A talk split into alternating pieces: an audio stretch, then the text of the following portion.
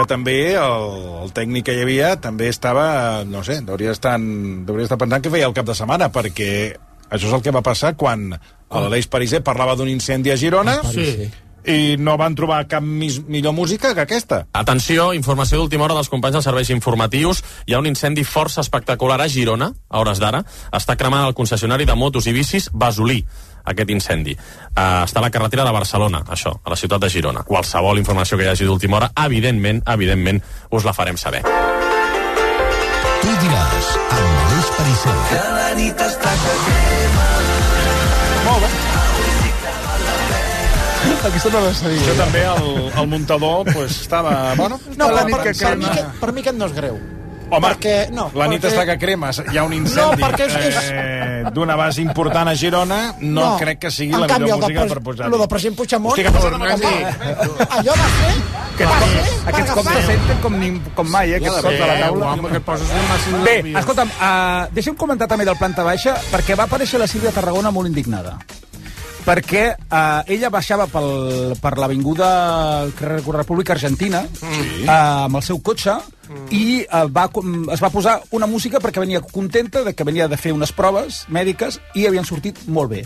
I venia molt contenta. I es va posar aquesta cançó. I remember the days of just keeping time. i va baixar el, els vidres del, del cotxe i eh, a partir d'aquí a tot drap va posar la música. Atenció perquè eh, li atura la Guàrdia Urbana. I passa això. Em diu, t'he de multar. Però per què? Diu, perquè estava escoltant música amb un volum superior a l'habitual. I dic, escolti'm, no, no, perdoni, li vaig dir. Estava cantant. I em diu ell, Um, no, estava conduint. El que la meva resposta és no, no estava conduint, estava aturada a un semàfor, estava atenta a la conducció i si és veritat, gent, ho sento, que la música estava alta i que estava cantant perquè estic feliç. Entenc perfectament que hi ha una mesura estúpida, anormal, eh, del tot eh, irrellevant i del tot real a la ciutat de Barcelona, una ordenança que diu que la música, quan tu estàs conduint, no pot estar alta. Per què? Quin va ser el meu pecat mortal? Que tenia les finestres baixades. Em va dir 75 euros ara, 300 euros si els paga després. Miri, escolti, això que acaba de fer ho diré dimarts vinent a TV3. I ho diré, i, i no perquè aquella frase que ho diu de vostè no sap amb qui està parlant, sinó perquè, com diria Jennifer Lawrence, tinc un altaveu. I l'altaveu que tenim l'hem d'utilitzar per les coses importants. Això que aquesta senyora, la senyora Tarragona, ha relatat, a la meva època no passava. No, la gent no, no podia passava. portar la música que volgués. sí, sí. Era No, no. una vermolla. No, no, Doncs escolti, que encara, encara va més. Hi ha una feina de recaptar. He arribat a la terrible, trista i decebedora eh, conclusió que Barcelona penalitza la felicitat. És a dir, si jo m'he equivocat i he infringit una norma, la pago. Però jo l'únic que li estic demanant a algú que té una responsabilitat com representar la seguretat de la ciutat de Barcelona és que no sigui només algú que es dedica a ser un recaptador d'impostos. Un senyor que porta una arma reglamentària amb el, la responsabilitat que això significa ha de poder fer una cosa que és parar i pensar. Barcelona ha estat sempre una ciutat amb llum, però si resulta que Barcelona és una ciutat en la que no pots escoltar música a un volum més o menys normal, on et penalitzen, et multen... Em va tenir 15 minuts de rellotge aturada. També és veritat que cada vegada estic més incòmode a Barcelona, això també ho he de dir. Eh, visc a Barcelona perquè tinc la parella, la família, la feina, però si no, no viuré a Barcelona. He viscut a moltes ciutats, a Madrid no m'ha passat mai, a Bilbao no m'ha passat mai, a Nova York no m'ha passat mai, i era igual de desesperant la meva personalitat. Bueno, si aquesta senyora agafa i fa un vot amb responsabilitat... això és per... Va, que porta tota la tarda aquí amb la propaganda. Eh, evidentment. Bueno, fins aquí, Rocco. Bueno, no uh, tens alguna opinió sobre possible d'aquest tema? Perquè No en tinc cap. es- Ho va, sento, avui va no ser puc- durant 12 hores alcalde de Barcelona, o pos- ho candidat a sento. l'alcaldia de Barcelona? No, no en tinc cap ni una. Avui no un grapat de coses que ja Tens començo tan a no tenir... Sí, sí. No, no, és que... No, no, no. Jo les opinions ja les he donat de moltes coses. Ara, la, a partir d'aquí, ja ja està. Eh, per tant, senyor Trias, Si hagués truqui, a, portat truqui a la Tarragona la i, em i li explica la, la arreglarem. candidatura. Rocco, serà fins demà. Apa, una abraçada Adéu-siau. a tots. RAC 1 Hola, l'edifici? Vaja, sembla que necessites una rehabilitació urgent. Doncs ara és un moment únic per fer-ho. Gràcies als fons del programa Next Generation i a l'oficina de rehabilitació de l'Ajuntament de Barcelona. Guanya en confort i estalvia't energia i diners. Informa't a rehabilitaesestalviar.barcelona. Això és el que opinen els pacients dels tractaments dentals del grup d'octubre D.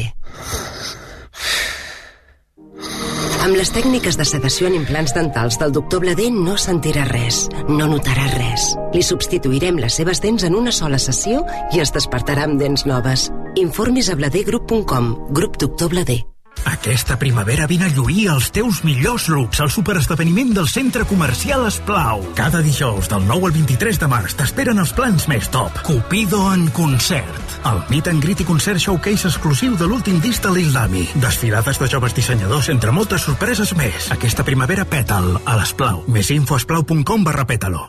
Rolex Daytona, Rolex Submariner, Rolex GMT, Rolex Explorer, Rolex Judgemaster. Rolex Day Date. A Criso, tots els Rolex són la joia de la corona. Si tens un Rolex i no el fas servir, visita Criso. Et donarem la millor valoració pel teu Rolex. Criso, a carrer València 256. Aprofita el temps. Des de 1959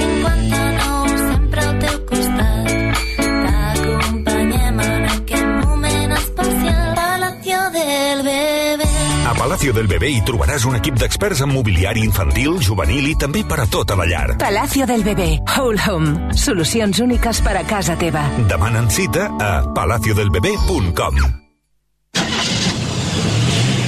Cotxe. Cop. Tot arreglat. És molt senzill assegurar-se amb el Betia. Simple, clar, el Betia.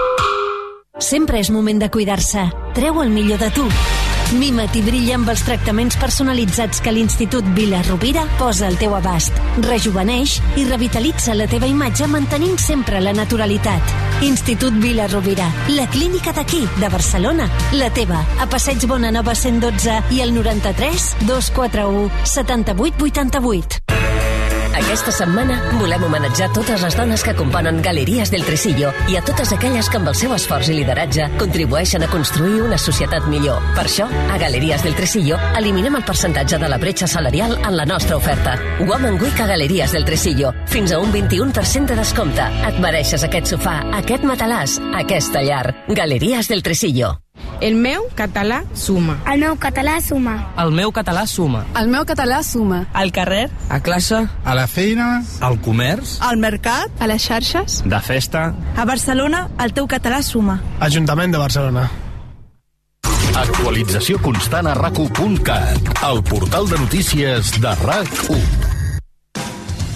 Versió RAC1, amb Toni Clapés. Marra, anem... Ep!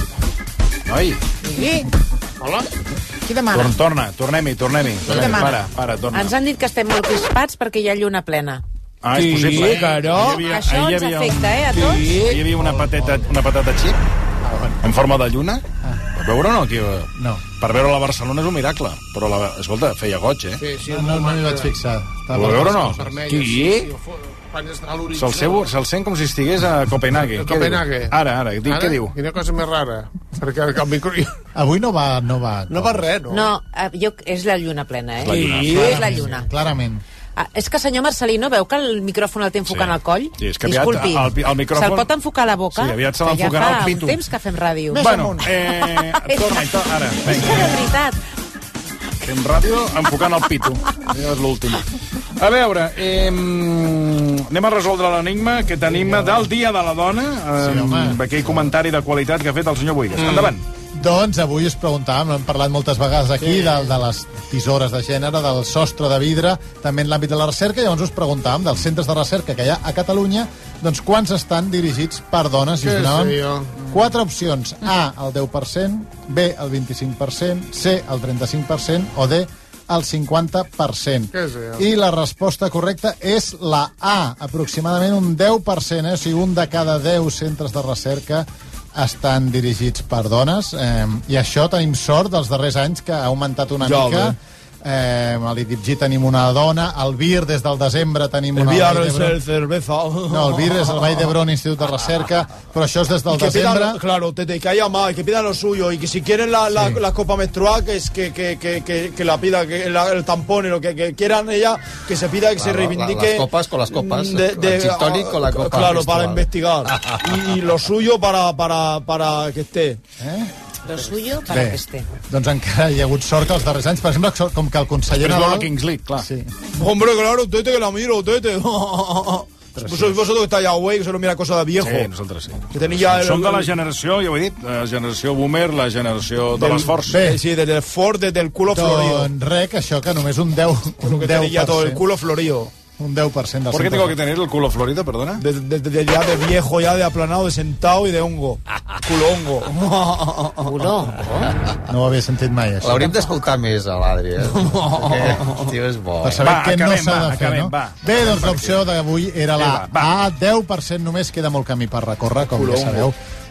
Va, Vinga, doncs hem rebut 620 mails i d'aquests 317 són correctes. Dani, va, un número de l'1 al 317. Doncs el 8, avui 8 de març, doncs el 8. Vinga, molt bé, perfecte. molt bé, molt ben trobat, sí senyor. I Molt a més, ben com que la gent se'ns queixa de que no hi ha números alts, doncs avui número el baix. vuit. Ahir, ahir es va dir el 7. Sí, Sí, ahir vam dir ahir es va dir el 7. 7, ja ho sé. Bueno, ja anem pujant, demà tocarà el 9. Aquesta regla de 3. La gent que corri. Demà què fas? Demà parlem de dones, però de fa 3 milions d'anys. Mm. Deuen ser mortes ja. Està, està la Cailà, està guanyant temps. Clar, dissimulant. per Ja tenim. Pensava que et preguntava demà què fas, vull dir, demà... demà No, home, tenies algun perquè- compromís o alguna No, cosa. home, Sempre no. en aquesta estona en què Sí, busca l'enigma sí, i jo explico de què el fem l'endemà, eh, cada cop intento donar menys dades perquè el senyor Marcelí no me l'aixafi, que és la seva... És igual, però me la trobo l'endemà i penso quina porqueria de pregunta. Doncs demà parlarem de dones, però de fa entre 2,9 i 3,9 milions S'havien d'anys. inventat ja les dones d'aquella època? El proper comentari d'aquest nivell se'n va cap a casa. És un elogi perquè dic No, que és, és una que, cosa eh, d'evolució, més evolucionada que nosaltres, perquè ha vingut després, més moderna i més... Eh, de, de més... És que tot ho, ho, ho, ho, ho, Sí, ho sí. trobeu al Tot ho revés. Nosaltres som més malinterpretem nosaltres, Nosaltres som sí. més primitius i elles són més Ja- ja evolucionades. estaven més endavant, Clar, home. ells han aparegut després. Ah. I, i Com, viuen eh, més, eh? sí, I la, viuen la, més. la destral, una merda. Ja Canvia l'ordinador Ah. a d'ara de l'ordinador. Compara un ordinador amb un destral. Elles són l'ordinador, nosaltres som la destral de merda. El Marcelí, més viu de- el. Marcelí i jo que anem a les residències, Sí, a més tots són dones, eh? tots són dones. Pràcticament. Tots són dones. De mi només es queda a, a, a, a, el que anem a veure. Vinga, va. Va, va, vagin a, sí. a la residència i Vagin quedin-se a allà. fer un quedin-se passeig. allà. No, que està ple de. Nosaltres ja tenim el guanyador, que és el Salvador. Diu, bona tarda, sóc en Salvador Sambola Sanz. Sou els millors, petons i abraçades per tots els del versió Rácano 1. Ja, ja, ja, ja, ja. Què tal, Mago? Com estem? Bueno, aquí poteado. Ja, millor de la... recuperándome de, la... Recuperant-se de la intervenció, no? Sí, me quitaron la puñetera hernia esa cabrona que tenía todo colgando. Como si fuera un entrecot. Molt bé. Sí, Doncs celebro que estigui millor i des Bueno, d'aquí ja l'esperem eh, l'esperem en Bueno. candeletes. Gràcies, Mago. Sí. Eh, gràcies, eh, demà Dani més. Arbós. Demà més. Avui, com deia Dani Arbós, és 8M i en aquest eh, nou dia assenyalat, en aquest 8 de març, Dia de la Dona Treballadora, les dones de RAC1 i RAC 105 proposen un concurs perquè intenteu saber si en aquesta empresa la paritat és realitat mm. o no. Endavant amb el concurs. RAC1 i RAC 105 comença el gran concurs del masclisme. Bona nit i benvingudes a una nova edició de El gran concurs del masclisme, el show on les sorpreses i les desigualtats sempre van juntes. Si en l'edició passada ja vam repartir un milió d'euros, un 25% menys si la guanyadora era una dona, aquest any doblem el premi. I recordeu que tots els concursants, només per participar, ja teniu assegurat un viatge a l'exòtic paradís del patriarcat. Comencem! Per 50 euros, dels 18 programes que hi ha a rac quants estan presentats per una dona? A. Tots, 18 de 18. B. 10. C. 5. 5? És, és el mínim? Doncs deu ser 5.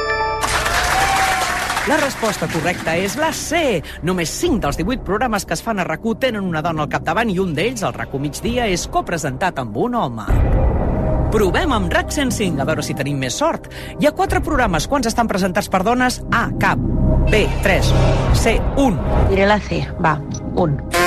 La resposta correcta és la A. No hi ha cap dona que presenti un programa a la cadena musical. L'any passat n'hi havia una que va plegar i es va substituir per, oh, sorpresa, un home. Continuem. Una figura clau a la ràdio són els tertulians i els col·laboradors. Us atreviu a dir quantes són dones als programes de rac A. 8 de cada 10 tertulians i col·laboradors són dones. B. 3 de cada 10. C. La meitat, 5 de cada 10.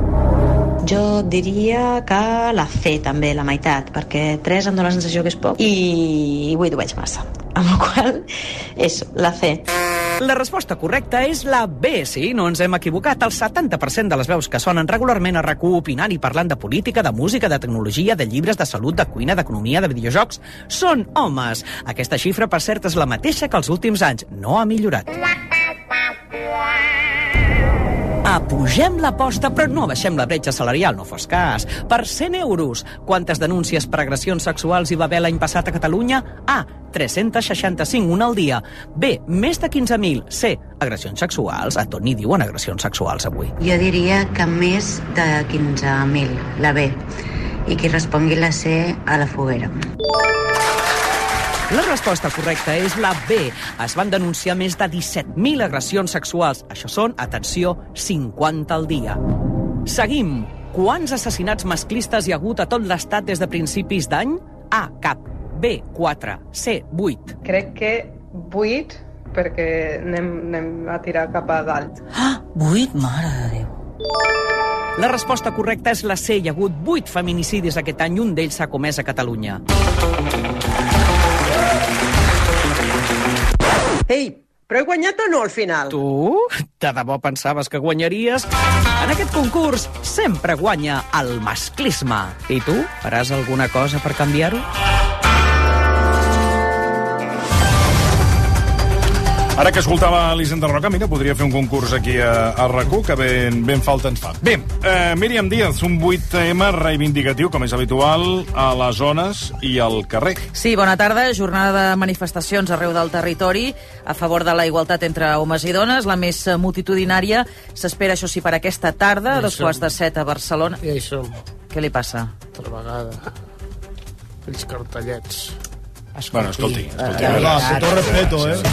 Con todo respeto, ¿eh? Que Ni la mujer, eh? La mujer puede salir a pedir lo que quiera y a manifestar mm, su, su, su, su- Va. lo que pide. Va, su no- no cuerpo, vull sentir. Ens No podem defensar sentir. soles. Si quieres Em, cena, te l'agafes i, i, i aquests cartellets, quan surten les manifestacions... Exacte. Quants cops ha fet vostè el sopar? Digui. Ja, jo no, no tinc per què fer el sopar. La meva, Va, doncs ja està. Jo, Doncs- jo, no cal que jo, digui jo, jo paro taula, nena. Ja, paro sí. i desparo Calli, taula. calli. A dos quarts de set de la tarda, aquesta manifestació que convoca l'Assemblea 8M, sota el lema Vaga feminista contra el sistema cis hetero, patriarcal, racista i capitalista. La portaveu de l'Assemblea, Anna Rodet, espera que la manifestació d'aquesta tarda torni a semblar- a semblar-se aquella del 2018 que va encetar doncs, aquest eh, allau de, de 5 anys de, de reivindicacions. Que, per Denuncia... cert, segons quins sectors, mm. recordo que allà va, es va generar una gran polèmica perquè el govern espanyol no va prohibir mm. aquestes convocatòries i després eh, i aleshores eh, la dreta i, diguéssim, corrents més conservadores van assenyalar com a culpable el govern espanyol per haver permès aquestes, eh, eh, aquestes manifestacions que van generar la Covid. Exacte, la- l'any Ah, següent, el sí, 2019, sí, correcte. No sé si ho en recordeu, sí, sí, sí.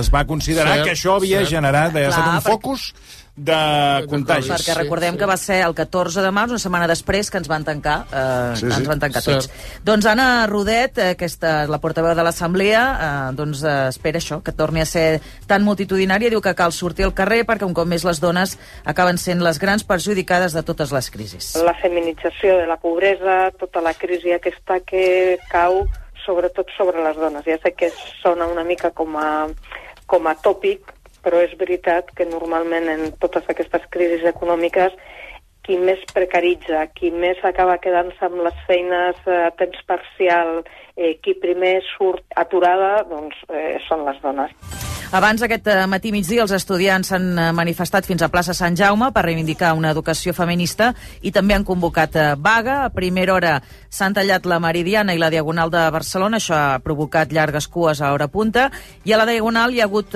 doncs, un succés, una conductora que han vestit amb el seu cotxe tres activistes que estaven tallant la- l'avinguda. Els Mossos han intervingut i han identificat doncs, aquesta conductora. Més coses. Eh, algun seguiment, eh, dades de, del seguiment de la vaga? Tenim algunes Sí, referències? Tenim eh, dades de les 12 del, del migdia del Departament de Treball. Diu que on més s'ha notat és el metro de Barcelona, amb un 9% de seguiment. A l'educació, eh, on més s'ha seguit l'aturada és als centres públics, però ha estat també simbòlic, del 3%, i on menys seguiment hi ha hagut és a la sanitat i també a Renfe. Tot i això ja ha fixat serveis mínims i, per exemple, el transport públic, a Rodalies regionals, metro, ferrocarrils i busos, operen al 85%. Bé, recordem que hi en parlàvem, eh, si fa no fa d'aquí una hora, en parla, fa una hora, eh, és a dir, avui, mm, d'aquí una hora farà mm, 24 hores, a veure si ho he deixat... Com? Oh, después dice que yo... No, vull dir que en parlàvem mai fa 24 hores, però no era aquesta hora, sinó encara em falta una hora per, per parlar-ho, que és del només sí és sí. Bé, doncs aquest vuit tema ve marcat, òbviament, per aquesta polèmica i ha generat divisió entre feministes eh, que fins i tot s'ha vist cosa que feia, jo crec que feia molt de temps que no es veia, s'ha vist amb actes oficials, Míriam. Sí, perquè um, Pedro Sánchez no ha assistit a l'acte institucional que ha organitzat el Ministeri d'Igualtat, on, uh, on, hi ha, eh, entre ells, eh? on hi ha hagut eh. Sarau. Sí, PSOE i Podemos estan una mica barallats, però ja han dit que no trencaran el govern. Bueno, Eh, per, estan- per, per són lo els poc que els hi queda, Sí, sí, home, dius, acabem també de- porta més feina Sí. trencar que no trencar. Sí, però a més de També l'absència... hi ha una cosa aquí, eh? s'acosten les eleccions i aquí cadascú ha de Marca començar perfil, clar. a posicionar-se, com va fer Collboni amb l'Ajuntament, Mm, perquè, tant, tant. clar, has de, has, de, has de fer com si... Marca aquests, pròpia, no? Clar, com si aquests Endavant de 4 o l'electorat. 5 anys, eh, bueno, tu passaves per allí. Passaves per allí. Doncs a més de l'absència de Pedro Sánchez, hi ha hagut sarau en aquest acte on hi havia la ministra Irene Montero, perquè hi ha hagut un grup de dones en contra de la nova llei trans que ha interromput el discurs de la ministra i ella les ha convidat a pujar a l'escenari a explicar-ho. Ministra, ¿qué es una mujer? Yo creo que lo importante es que sepamos que las mujeres, por el hecho de ser mujeres, tenemos más riesgo de sufrir violencia, más riesgo de sufrir pobreza y por eso es importante que hagamos políticas ¿Pero qué es públicas que respeten a todas las mujeres. Un momento, un momento. Porque ser mujer es eso, ser mujer es eso. Quizá lo que nos queréis explicar es que no hay mujeres que tengan pene, es decir, que las mujeres trans no son mujeres. Eso Pero mi es. obligación como ministra de Igualdad es respetar los derechos humanos. I al cap d'uns minuts l'organització les ha convidat a sortir de l'auditori. Dia de reivindicar desigualtats que existeixen en molts àmbits entre homes i dones. A casa, a la feina o, per exemple, també al món dels esports. Sí, ens ha cridat l'atenció avui un estudi que conclou que les dones eh, fem gairebé un 30% menys d'exercici que els homes a l'estat espanyol. Això seria una mitjana d'una hora menys a la setmana Però si no- d'esport. Un moment. A veure, és el que diuen les dades que, que ha registrat la xarxa social esportiva. Strava, que no sé si la coneixeu, No, que no, et no, registres i et medeix sí, doncs, sí. els, els eh, quilòmetres que fas al, Sí, al dia sí, i tot sí. això. Sí. Doncs aquest estudi demostraria que les dones tenen cada vegada més entrebancs per dedicar més temps a l'activitat física. L'estudi també recull que la diferència augmenta els caps de setmana. Les dones fan un 48% menys d'exercici i és el país del món on més passa. A més, Espanya és el país del món amb menys proporció de dones que fan esport a la nit un 56% homes per un 16% de dones. I segons que Strava... Deuen, estar, deuen dormir. És que... Bueno, venen cap a mi, eh? Venen cap a mi. És el que deia abans, eh? Vaig, sí, dir que eren més modernes, més, més intel·ligents. Aquí es demostra menys esport, so, ara, ara, és, és el que faig jo, menys esport, això és el Exacte, futur, eh? exacte, exacte. Ara ja l'evolució, o sigui, caminar o córrer és de primitiu, d'home primitiu. Ah, Què cert. fa l'home modern? Anar amb patinet elèctric. Ara. Això és el, el, el pas, ja de, Sí, sí, de sí, moure's sí, per sí, res, sí, saps? sí, sí, sí. O cotxe que- elèctric, perquè clar, i, i fixa't que viuen més anys. I tant. Sí. Perquè, clar, és que l'esport mata. Eh, té Això, raó, té raó. algun dia ens n'adonarem d'això. Raó. L'esport mata. I tant.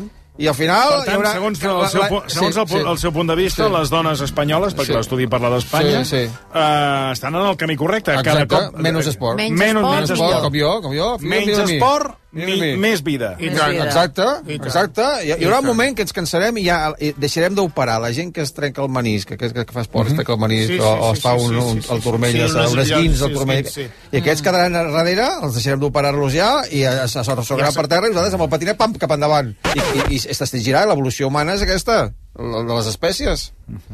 Jo, a vegades, la veritat, eh, eh dubto de si tenir amb nosaltres Eudal Carbonell, el doctor Do- Eudal Carbonell, o vostè, i, i és que no, no en tinc cap dubte. Clar, per això estic aquí, clar, al final vas decidir per mi. Ja. No, és perquè el doctor Carbonell vol venir puntualment cada tarda. Eh? Que, no, ell que no, m'estàs dient això. No. Uh, està enfeinat, està amb altres coses. Eh? Li has Potser preguntat? No, ni li has sí, preguntat, sí no. que li he preguntat, sí.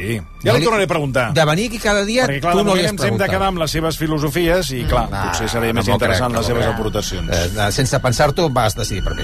Va, deixa'm dir que eh, l'activitat que, física que fan més les dones que s'hi fan esports és la del passeig. Eh, per tant, tendeixen a carregar amb un passeig. 65% més d'activitats d'aquesta categoria En que els patinet, homes. no? Passeig en patinet, això? Perquè també és un passeig. Vas en passeig, en patinet. Ai, carai. Quina paciència. Eh? Que us passa alguna cosa? La lluna, com us afecta? La lluna, la lluna, sí. És la lluna, eh? Deixem-ho amb la lluna. La dona... Bé, tanquem el capítol vuitema? Sí. Doncs molt bé, fem un uh, parèntesi de 3 minuts. Uh, aneu pensant en quina escapada us plantegeu de cara a la Setmana Santa, que Tu hi ja ha la tinc que ja jo. estem fent veus. Doncs uh, a, a, a, a, hauràs d'agafar l'avió, tren, barco o un cotxe? Cotxe. Cotxe. Però... Alguns haurem de passar per als aeroports. Me comunica que el aeropuerto ha desaparecido. Hay que cubrir el colapso de los transportes, ¿vale? Si cubrimos la crisis de abastecimiento. Oiga, ¿cómo que no hay aeropuerto? Que no hay aeropuerto, caballero. T'imagines un dia sense aeroports? Descobreixo a undiasenseaeroports.com. AENA. Aeroports per a tu. Ministerio de Transportes, Movilidad y Agenda Urbana. Gobierno de España. Suma't a l'educació que suma l'Alba, l'Ahmed i en Rafa, que suma mares, pares, docents i professionals, que suma oportunitats i futurs, innovació i qualitat. S'obre el termini per fer la preinscripció, del 6 al 20 de març per al segon cicle d'educació infantil i educació primària, i del 8 al 20 de març per a l'educació secundària obligatòria. Informa't a preinscripció.gencat.cat. Suma't a l'educació que suma. Generalitat de Catalunya, sempre endavant. Quan obres aquell estoig oblidat i trobes la pulsera que ja no et poses, O el rellotge que ja no utilitzes? què pots fer? És fàcil. Posa't en contacte amb Circa. Circa, experts compradors internacionals d'alta joieria, rellotgeria i diamants. Circa compra les peces que ja no utilitzes i et paga immediatament. Demana cita a circajewels.com o al 93 215 76 78. Ha arribat el dia! S'han acabat les esperes! Senyores i senyors, benvinguts a l'època de la immediatesa! Ei, que som al 2023! Emporta't ara el Suzuki S-Cross amb etiqueta Eco, tracció 4x4, càmera 360, últims sistemes de seguretat avançada i entrega immediata! Sí, sí, immediata! Nou Suzuki S-Cross. El 9 de maig de 2018 es va celebrar per primera vegada el Dia Mundial dels Mitjons Perduts. En fi, si fins i tot els mitjons perduts tenen un dia propi, no te'n mereixes un, tu també? Amb mi dia de l'11 tria la teva data especial i juga-hi. Cada dia per un euro guanya fins a 3.000 euros. Mi dia, el sorteig més teu. I recorda, un de cada cinc toca. A tots els que jugueu a l'11, ben jugat. Juga responsablement i només si ets major d'edat. Que la teva assegurança de cotxe et regali un rellotge intel·ligent és pràctic, però igual és més pràctic que et regali un any de manteniment i revisions il·limitades. Berti, estalvia temps, estalvia diners. RAC més 1, podcast. RAC més i Nando Jubany presenten Mengem Cultura, un podcast sobre la història de la gastronomia. Els avis de la cuina catalana parlen amb Nando Jubany per explicar-nos l'origen d'alguns plats i curiositats poc conegudes. Jo penso que l'Escudella, eh, en aquests moments, la societat catalana l'ha canonitzat, l'ha fet santa. Carme Ruscalleda, Joan Roca, Oriol Castro i Eduard Xatruc del Disfrutar o els Fratelli Colombo seran alguns dels protagonistes de Mengem Cultura. La pizza és catalana, tu lo sabes. Tu saps que la pizza la vam inventar els catalans. Desde que vengo aquí a todo català, hasta la pizza. Mengem Cultura, perquè com diu Fermí Puig... L'acte de cuinar en si mateix ja és un fet cultural. Escolta-la a l'APP de rac i a rac Amb Mengem Cultura sabrem per què mengem el que mengem amb Nando Jubany. RAC 1. Tots som més 1. Versió RAC 1 amb Toni Clapés.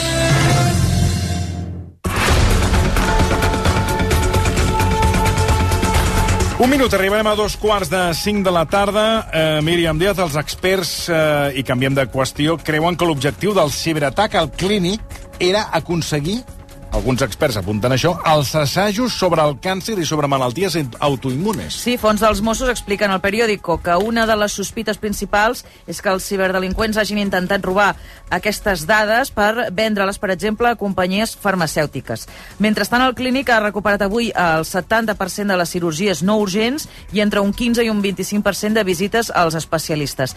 Els que encara continuen aturats són els tractaments de radioteràpia per malalts de, de càncer i ja s'estan eh, derivant els casos prioritaris a l'Hospital de Sant Pau. Ahir es van repartir 10 servidors i més de 120 portàtils amb connexió perquè els metges comencessin a tenir accés als historials eh, clínics dels pacients. Segons ha pogut saber rac l'Agència de Ciberseguretat està reforçant des de diumenge la protecció de la resta d'hospitals del país. Ho ha explicat el secretari de Telecomunicacions i Transformació Digital, Sergi Marcén. Bueno, arran de diumenge el que estem fent és monitoritzar a tots els hospitals, veient quins són els patrons que aquest ciberatac ha tingut i intentar evitar els patrons. Això el que fan és crear una sèrie de patrons i a partir d'aquí el que fem és intentar evitar que aquests patrons es dupliquin a qualsevol altra entitat que nosaltres tenim.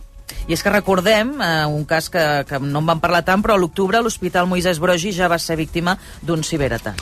Saludem a aquesta hora a Jorge Coronado, que és pèrit informàtic i director de Quàntica eh, 14. Señor Coronado, buena tarde, buenas tardes. Buenas tardes, ¿qué tal? ¿Cómo estáis? Encantado, muchísimas gracias, muy bien. Eh, hoy el diario El Periódico ha publicado que eh, lo que más preocupa a Mossos de Escuadra es que los ciberdelincuentes eh, quisieran vender o quieran vender datos de ensayos sobre cáncer y enfermedades autoinmunes eh, dos ámbitos en los cuales el Hospital Clínic es un centro puntero.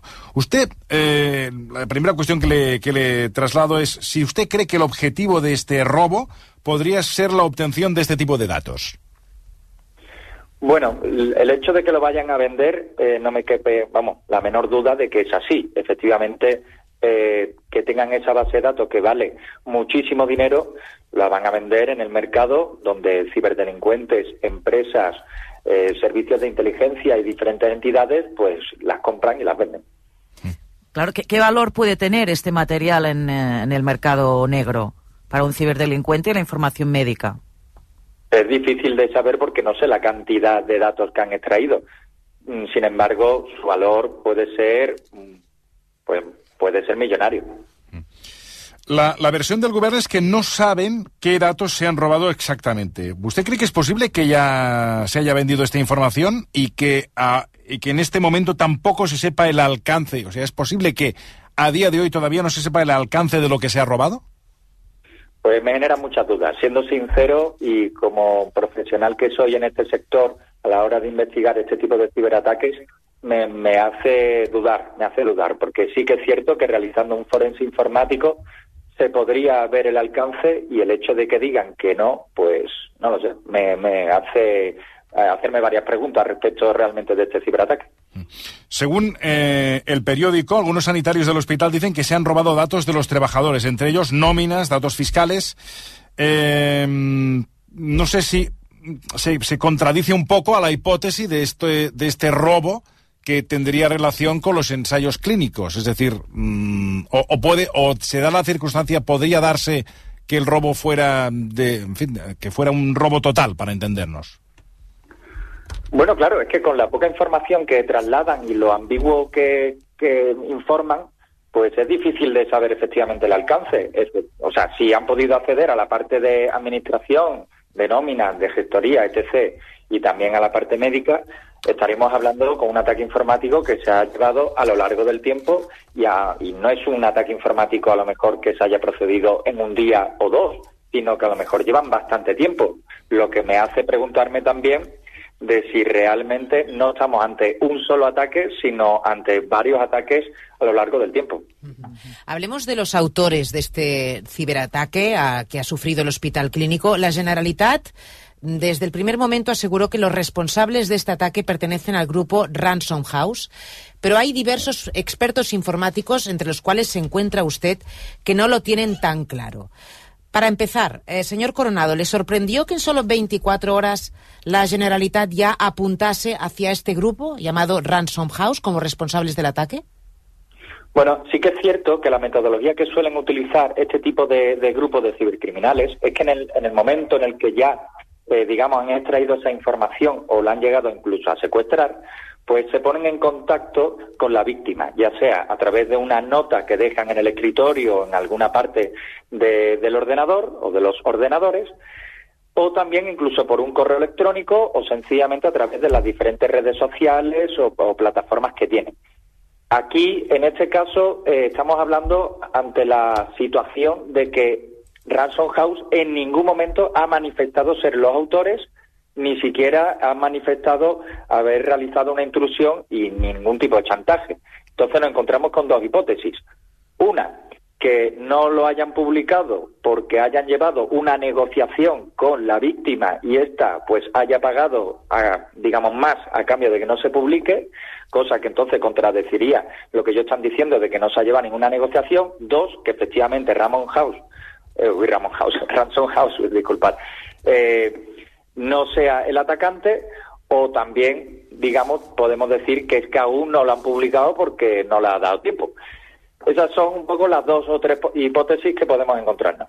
En cualquier caso, hasta ahora, Ransom House, en los 30 ataques eh, que ha hecho contra empresas e instituciones desde diciembre de 2021, siempre había, eh, se había puesto en contacto enseguida eh, con, con la empresa o la institución a la que había atacado. Hasta ahora, en estos 30 ataques, siempre lo había hecho así. Efectivamente, el modus operandi de ellos siempre es eh, comunicarlo a través de su canal de Telegram y, entonces ellos dicen, mañana vamos a tener una sorpresa, prepararos. Y entonces al día siguiente publican que, que han atacado a tal empresa y entonces en su página web pone que ya eh, tienen acceso a esa información y sacan parte de esa información. Si no, eh, si la víctima no paga, pues esa información se publica en unos días.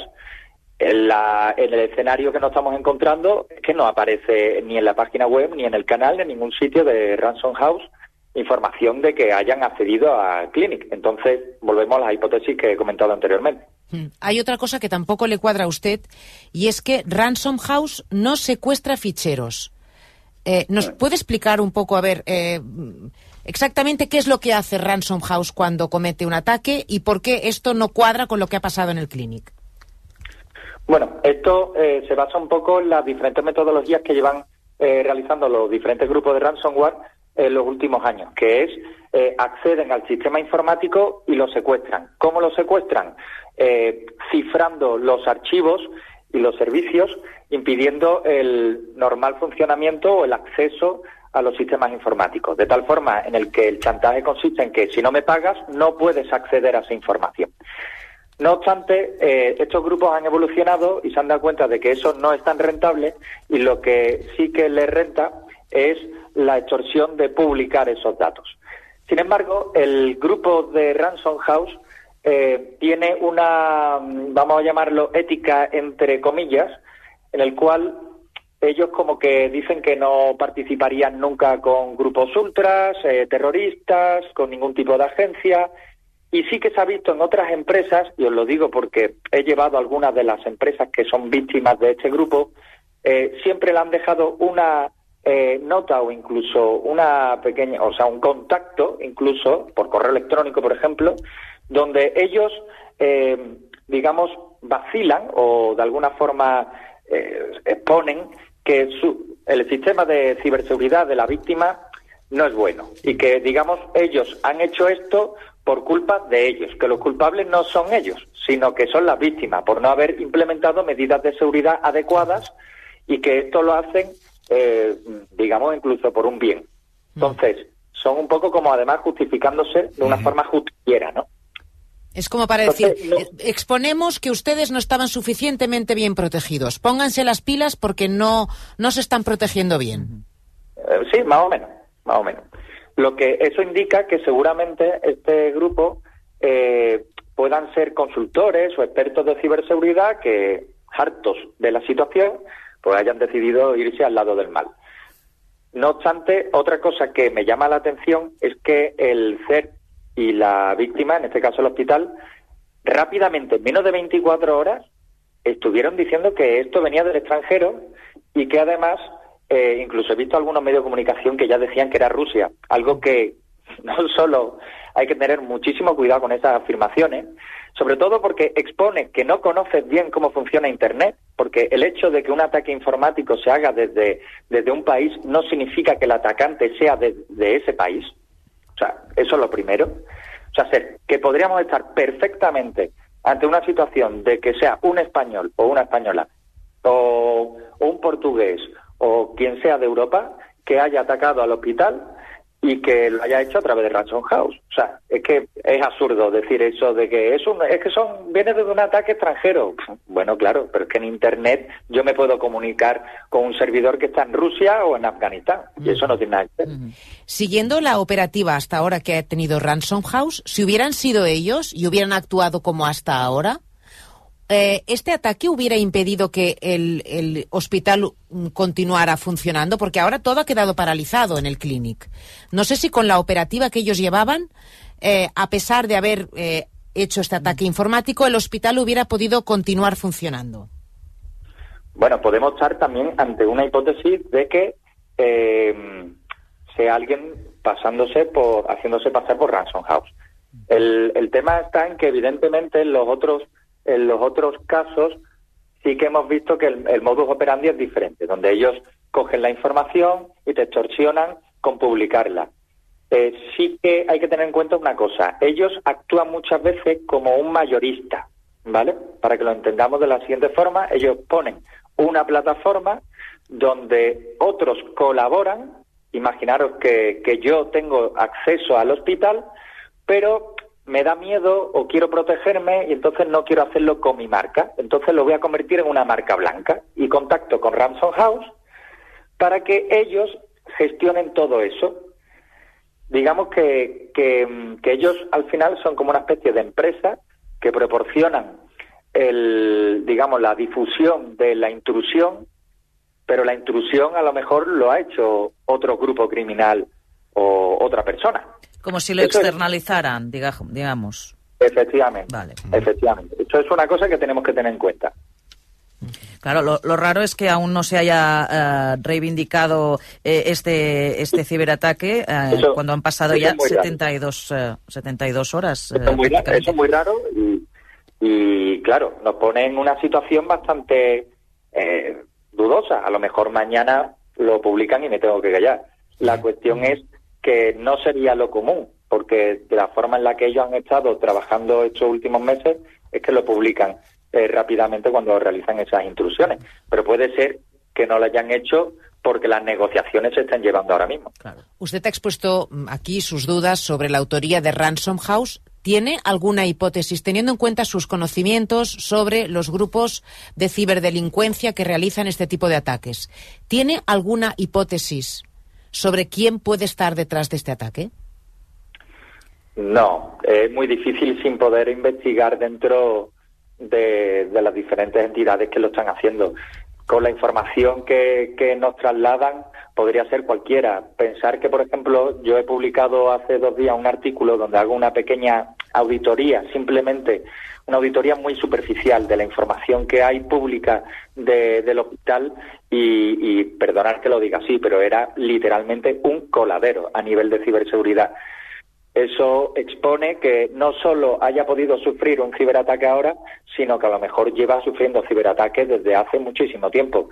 La verdad es que a mí me, genera muchísima inseguridad, porque si un servicio público de crítico como este tiene un nivel de seguridad mm, como este y, no se lo toma en serio, pues la verdad es que mm, deja mucho que desear.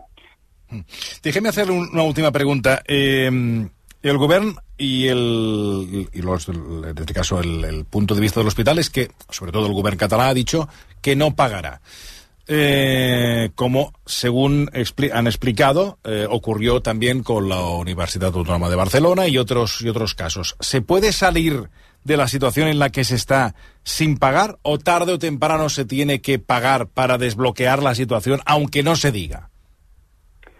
Es que el problema que hay aquí es no si paga o si no paga. El tema está en que ya hemos perdido esos datos eh, y el daño que ha causado a todos los ciudadanos eh, este, este ataque. O sea, bueno, ya sí paga incluso más daño, ¿no? Porque no solo están eh, promoviendo la ciberdelincuencia y encima con dinero público, sino que encima robado, ¿no?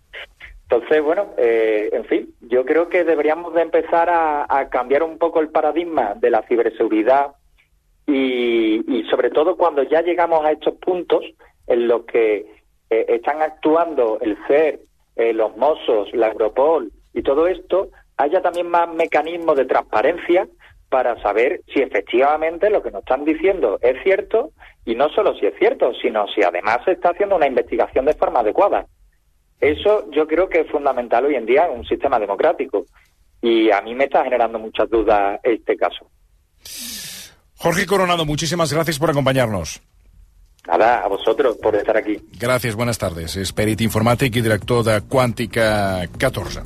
Bé, eh, Míriam, tenim eh, més coses eh, Sí, sí, a més comentar. coses. Més coses, eh? Més coses. Què? Que no esteu dient el més important, eh? Que Jordi Pessarrodona... Perdoni, Eh? No ho direu, això? No ho dius el més important? Home, però perdoni, hem parlat... Jordi Pessarrodona. Per, deixa d'explicar. Per la merda que explicaràs? Va, digues, digues. Què Home, la merda, a veure, eh, li sembla eh, una merda el vuit tema? Bueno, a veure, jo, jo no sóc cap de senyora. Que jo sàpiga no sóc cap senyora. A mi no va, això a mi m'és igual. Val. Ah, No, no, també, Ah, també l'hauria de vincular una mica el tema. La meva mama no diu res d'aquest tema. Molt que és l'única dona que hi ha a casa. S'hauria de sentir interpel·lat, vostè, també. No, doncs no, eh, jo respeto, Vale, però... perquè hem parlat del vuit tema. Ara estàvem parlant del ciberatac amb els dubtes clar. que hi ha d'alguns pèrits que apunten que eh, potser no és, eh, no és eh, Ransom House, sinó que aquí hi ha el, el uns clínic és, tercers. és, és mig espanyol. És un hospital que és mig espanyol, o no? Ai, de veritat. Busca, per favor, qui hi ha. Que- qui, de qui és l'hospital clínic? Bueno, Busqueu, per i favor. És, és, un, és consorciat I una entre, part? entre la Generalitat eh, i el govern espanyol. Ah! I, I què té a Pues veure? que no m'interessa. Un hospital espanyol jo no hi vaig. Abans em moro. Abans em moro bé, a la cera de davant. Molt intel·ligent. Abans em moro a la cera de davant. Per tant, dos temes que no m'interessen. Vale, doncs què li interessa? Pues lo que t'estava dient, que no em deixes parlar, que, que, que, que solo hablaste de tus mierdecitas. Que Jordi Pessarrodona, que ha plegat definitivament del secretariat de l'ANC, que és la notícia més important des del Big Bang, i no esteu dient res. Que és el Jordi Pessarrodona. Des del Big Bang, eh? Sí, és el pallasso símbol de l'1 Sí, d'octubre. és- és veritat, sí. Això sí que és una macrase. Sí, i tant, i I, a sobre passa avui, mira. Allà al costat de policia estava. I tant, allà quiet, eh? Allà quiet, amb el nas. I mira, i ara ja que... veig que de tot el que m'ha explicat, el que més els interessa, a vostès dos també és això? Sí, no, home, perquè sí. és, és, és el que et ve El del cap. nas, és el del nas. El nas. No, no, atenció, Al eh? costat, de la, al costat el de del policia... Amb tot el que m'ha explicat i el que a vostè el motiva i li genera comentaris és el del nas. l'home dels nassos. Sona l'home dels Sí, nassos? sí, sí, sí. Però no et ve al cap, la foto? Sí, però em ve el cap... A mi, a mi perdoni, a mi, em a mi ara Em ve el mateix... em ve el cap. No, el que em preocupa és, per Sí, exemple, el que sí. passa al clínic i, Sí, el i, i la situació de tots els pacients. Passa per anar-hi. Però la imatge la tens tu gravada al cap, t'agradi o no. Fota't. Tu tens el clínic, tens un passadís del clínic Bueno, gravat I això quin dia ha passat, lo del Jordi Pessarrodona?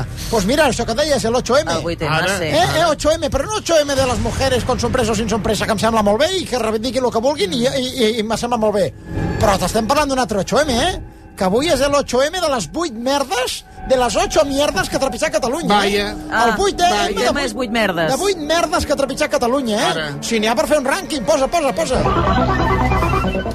8 especial ranking a Catalunya en prepichat merda. Comencem amb el número 8 del rànquing de les merdes trepitjades a Catalunya. Número 8, la dimissió de Jordi Pessarrodona de l'AMC. El ser- més important que ha passat en tota la història. el. Número 7, el judici inyordo i escarós a Laura Borràs. Una dona, una dona. Ara, eh? ara. Avui que és el dia Sí. de los ochos, Sí, no eh, una dona. de la dona. Dia sí. de los ocho. Número 6, el cas Negreira, Oh. que per culpa de la cadena Oh. sèrie del Jordi Abastel i dels esports i tot lo d'allò, acabarà amb el Barcelona per culpa de RAC1. Negreira, que es deia Negreira i anava de negre perquè era àrbitre. Està bé, però- Número 5, l'operació Catalunya per destruir la independència. Ah, això, això també s'ha Número 4, el cas que va destapar el Marc Bangala la setmana passada dels manxegos que Bala. diuen que els calçons són... No, oh, que els calçons això són va ser, manxegos això va ser, aquí sí que i em va no són els catalans. Va, va, va. Número 3. Calleu. A l'atac aquest que dèieu de l'Hospital Nyordo Clínic, eh? Que escolta, tant, per i què no puguem anar al això- metge i ens morim pel carrer? Però si ha dit vostè que no hi va, al clínic. Jo no, però hi ha gent que sí. Home, jo, per exemple, jo Vas sí que... allà Doncs, doncs, doncs interessa't, Pues interessa't Ja pel m'interesso, tema. ja, ja m'interesso. pel tema. Número 2 del rànquing de la merda, de les 8 merdes que està trepitjant Catalunya. La sequera, que m'ha tingut de dutxar amb pixums, que tinc tres Ai, per persones favor. contractades perquè Veu? s'han Un a altre sobre. tema gravíssim. Home. La sequera Ah, home, i no hi ha gravíssim. avisos de que plogui ni que caiguin Res. fortes Ni que es nevades. puguin demà, omplir les diu- piscines diu ni que res. Demà, res, un pixum. I dissabte màniga curta. I no es Res. pot nedar ni es pot fer res. I número 1, Ai. número 1, la plaga de conills i jabalís que quan s'hagin menjat Sí, tots els arbres és un altre gran problema. començaran a menjar humans i ens quedarem morts. Això no és trepitjar merda, no. Això és trepitjar Fems! un omni de merda, així de gran. I si no, i si no és així, que baje Dios y lo vea, nena. Bueno, i després d'això, que sigui la ràdio fèmina, sintonia fèmina.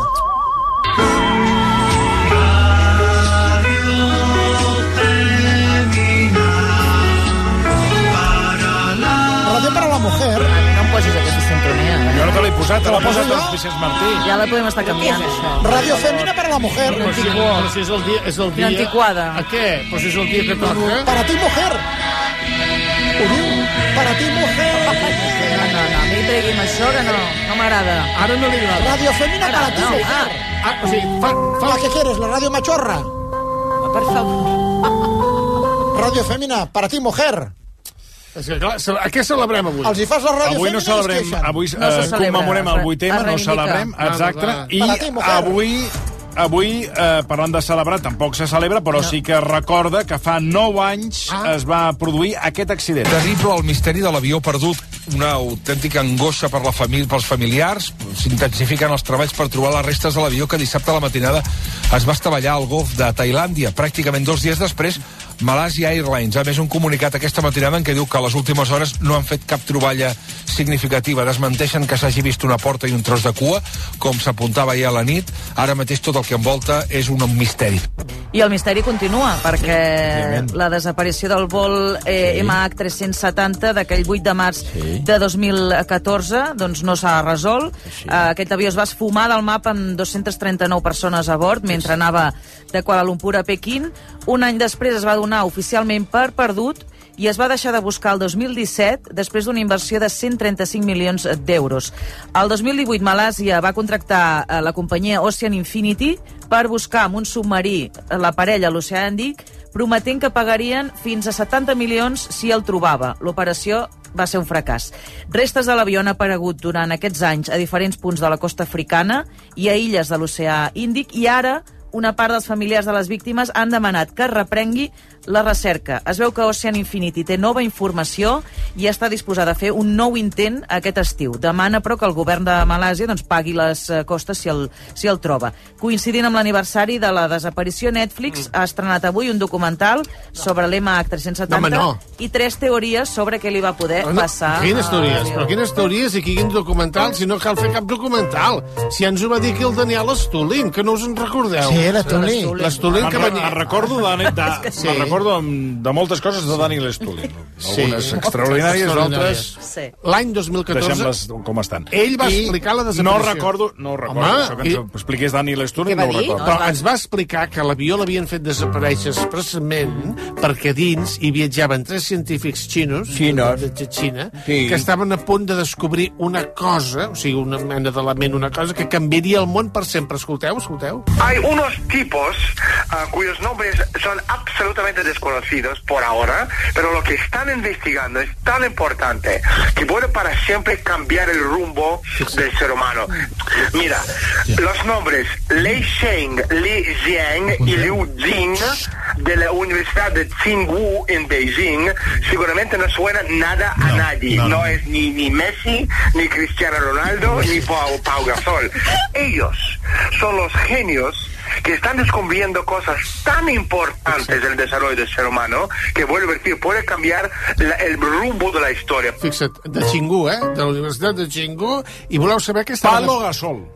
Pa- Pa- Pablo Gasol, que ara li han tret la samarreta. Palo Gasol, sí, sí. Doncs ja la- parlava sí. sí. Dani Leston de Sí, Palo sí. D'aquests eh, personatges desconeguts. Xingu. Uh, doncs voleu saber que estaven a punt de descobrir Dígame, els senyors xinesos? Què, què? Doncs a l'Estolín ja t'ho va explicar, el que passa que no escoltes. acaban de patentar máquinas líquidas que prometen una nueva era de los robots blandos. Eh, digamos, los campos eléctricos pueden transformar metales líquidos de una forma o de la otra. Yo no sé si te acuerdas, en la película de ciencia ficción de Terminator 2, El juicio final, el robot este asesino que llamaba, se llamaba T-1000, es un asesino robótico con un endoesqueleto de metal líquido que puede asumir la forma de cualquier objeto o persona. Su naturaleza líquida hace que sea inmune a los ataques de balas y impermeable a los daños mecánicos en general. Es decir, una cosa que se llama un indio galio aleación de selenio con un punto de alrededor de 10 grados centígrados de fusión que está recibiendo muchísima atención y es súper importante porque estos chinos que estaban en este avión sugieren que este tipo de transformadores de metal líquido podría en la próxima década, estamos hablando de menos de, de 10 años, autoensamblarse en robots blandos, incluso ser implantados en el cuerpo humano, dado que la aleación de galio indio selenio es biológicamente benigno. No, nena, doncs és senzillíssim. Atenció, que tinc una informació jo sobre A- a això, veure, eh? a veure. Notícia publicada per National Geographic Home. el 27 de gener de 2023. Galeo Fa només unes setmanes. Sí, mira. Titular. Crean un robot de metal líquido parecido al personaje de Terminator 2. ¿Qué? El prototipo, fabricado con un metal líquido que se derrite, ¿Qué? cambia de forma y puede atravesar barras de metal, ¿Qué? como hacía el modelo T-1000 de Terminator 2. ¿Y qué- Sus qué? creadores aseguran que podría tener múltiples usos, Sí. ya sea como un tornillo universal o para administrar medicamentos. National Geographic. Galeo 27 Indio. de gener 2023. Galeo Indio Selenio i t'ho va explicar aquí el 2014 el tenia l'Estolín. Ja t'ho va explicar aleshores i qui en cas hi fèieu res perquè se sent No. de fondo rialletes, No, jijiji, no, no, no. jajaja. No, amb això no estic gens d'acord. No, no, Perdona. perdona, perdona, no, perdona, perdona. Sou dolents i sou dolents com la tinya. No. I no, no us castigarà, perquè aquí... Atenció, atenció, perquè li dono la raó, és que, li do... és que, és que m'estic m'estic emocionant i tot. Los investigadores de la Universidad Carnegie Mellon en Pittsburgh usaron como una matriz de galio ¡Ah! Un metal que su forma pura se funde a temperatura ambiente y lo enriquecieron con partículas magnéticas, una Fixa't, aleación de otros fixa't. tres elementos, neodimio, hierro, hierro y boro. I per veure, i la notícia que ens està llegint Marta Gailà és del 2023-27 de gener. National Geographic. El document que estem escoltant Del Daniel Estulin? del Dani Lestulin és de... Quan va 2000, desaparèixer el 2014. 2014. I parlava de la desaparició de tres investigadors Que investigaven? eh? que investigaven això que Precisament. i que van desaparèixer al vol de Malaysia Airlines. I també ens va explicar per què volien fer desaparèixer aquests científics xinos, si no escolteu. me fui a buscar al patente de estos tipos, que es el patente, lo encontré, patente de transformador de metales líquidos, y el número de patente es ARXIV 1402.1727, la fecha del patente 30 de enero 2014, ahora. Viene la parte deliciosa y lo vamos a contar en exclusivo aquí en el programa vuestra. Exclusiva, exclusiva, ¿Sabes quién es el socio de todos estos tipos? Socio. Barón Jacob de Rothschild, una de las familias más ricos del mundo cuando estamos hablando del poder, en la sombra, cuando estamos hablando de los Illuminati, con la desaparición de estos chinos, Jacob Rothschild se convierte en el único propietario de este importantísimo patente. Y lo que es aún más, Cuatro días después de que el vuelo MH370 desapareció, este patente de semiconductores fue aprobado por la Oficina de Patentes de Estados Unidos. Y la patente se divide en partes de un 20% entre cinco titulares. Uno de los titulares es la propia empresa Freescale Semiconductores de Austin, Texas, o Texas, Estados Unidos, y los otros cuatro son los antimencionados chinos. Si cuatro de los cinco titulares de la patente mueren o desaparecen o van a, a- a otra dimensión o lo que sea, Entonces, el titular de la patente que quede con vida consigue 100% de la patente. Toma. Y ese titular es Freescale Semiconductor. ¿A quién pertenece este Freescale Semiconductor? A Jacob Rothschild.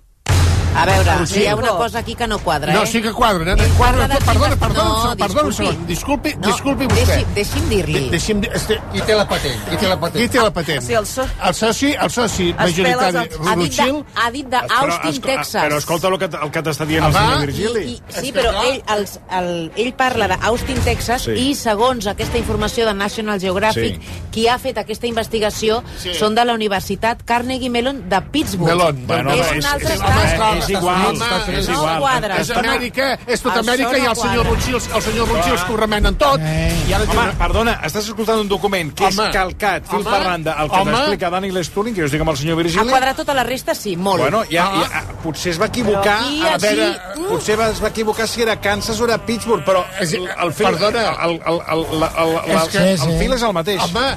I si aquesta notícia es tirés qui ha tirat endavant aquest projecte, Ah. ah. el trobes al Rothschild. El millor el trobes.